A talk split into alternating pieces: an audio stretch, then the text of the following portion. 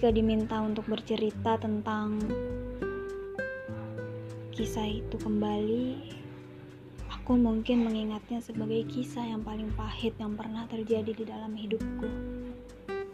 Di mana aku pernah terjatuh, tersungkur, bahkan lebam, luka dan hampir mati berkali-kali. Tubuhku berdarah-darah nyawaku hampir saja melayang. Badanku luka lebam, dan kulit di tubuhku mengelupas. Bukan hanya sekedar senyum. Untuk menyeringis pun aku tak mampu. Begitu sakit. Aku harus melewati sakaratul maut itu sendirian. Yang aku kira, aku tidak akan pernah diberikan lagi kesempatan untuk hidup. Tapi ternyata Tuhan masih begitu baik. Tuhan masih menginginkan aku untuk ada di sini.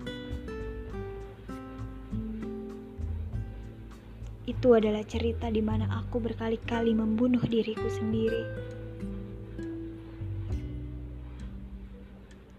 Itu adalah cerita di mana aku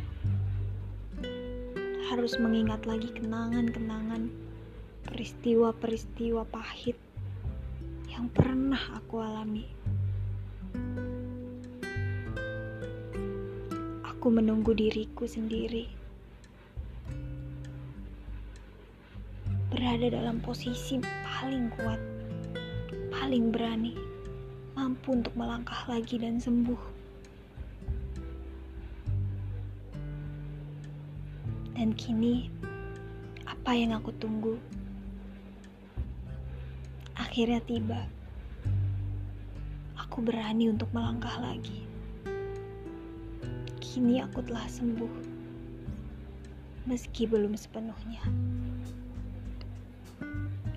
tapi aku sudah bisa tersenyum. Aku sudah bisa melangkah lagi. Aku bisa berdiri tegak. Meski beberapa lebam, masih aku rasakan sakitnya. Meski beberapa luka, masih perlu waktu lagi untuk sembuh. Setidaknya, Nyawa yang hampir melayang itu kini menjadi kehidupan yang baru. Kehidupan yang lebih dewasa yang mengajarkan aku tentang betapa berartinya ikhlas, bersyukur, dan mampu menerima diri sendiri.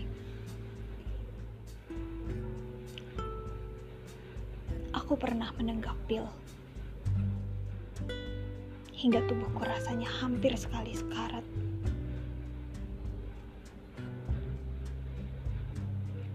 Aku pernah melukai tanganku, melukai kakiku, hingga tubuhku yang cantik ini berubah menjadi luka. Bahkan aku juga pernah membenturkan kepalaku ke dinding. Hingga otak yang cantik ini berubah menjadi porak-poranda. Semua hal yang berkaitan dengan menyakiti diri sendiri sudah aku lakukan.